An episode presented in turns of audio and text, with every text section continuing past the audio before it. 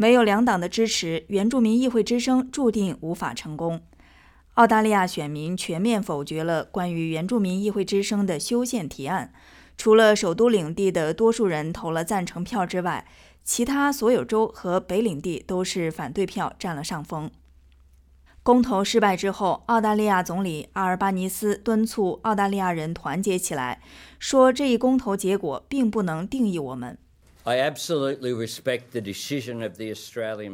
我绝对尊重澳大利亚人民的决定以及得出这一结果的民主过程。当我们反观当今世界上发生的一切时，我们都很庆幸，在澳大利亚我们可以和平平等地做出重大的决定。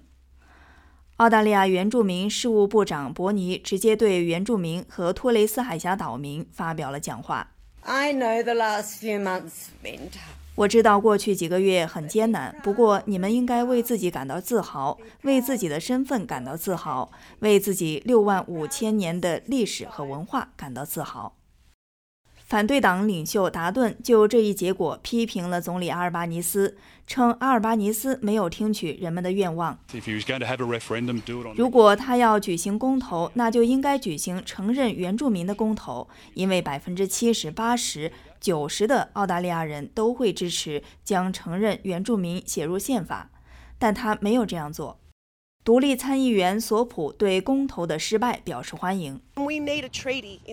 我们这个国家需要一项条约。我们是英联邦国家中仅有的几个没有与原住民签订条约的国家之一。除了公投之外，高通货膨胀和利率增加带来的生活成本压力增加成为新闻的主要内容。九月，国库部长查莫斯公布了超过二百二十亿澳元的创纪录的预算盈余，这是十五年来首次出现的盈余。由于税收大幅度增加和大宗商品价格上涨，十二月份公布的最后数字修订了五月份公布的预算数字。This is evidence. 这是我们负责任的经济管理的证据。我们的预算状况得到了改善，同时我们推出了一项数十亿澳元的缓解生活费用压力的计划。联盟党国库发言人泰勒对此不以为然，他表示经济已经支离破碎，并称阿尔巴尼斯政府是一个高税收、高支出的政府。自工党政府上台以来，我们看到利息增加了三倍。过去十八个月里，家庭缴纳的所得税增加了百分之二十七，家庭可支配收入下降了百分之八点六。十二月，储备银行将现金利率维持在百分之四点三五不变，目标是到二零二五年底前将通胀率降至百分之二至百分之三的目标范围。为此，新任储备银行行长布洛克希望失业率有所上升，以帮助减缓经济增长。因为澳大利亚目前的通胀率约为百分之五点四。在十一月于香港举行的一次会议上，布洛克告诉代表们，尽管对过去两年的加息状况，许多人心存疑虑，但澳大利亚的家庭仍在坚持着。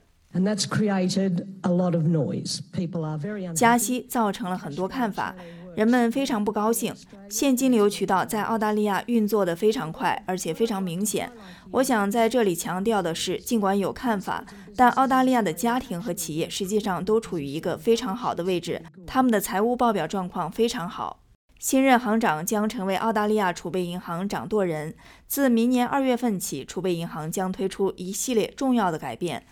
一项对储备银行进行的审查提出了五十一条建议，包括解决利益冲突问题和开创更加开放的内部文化。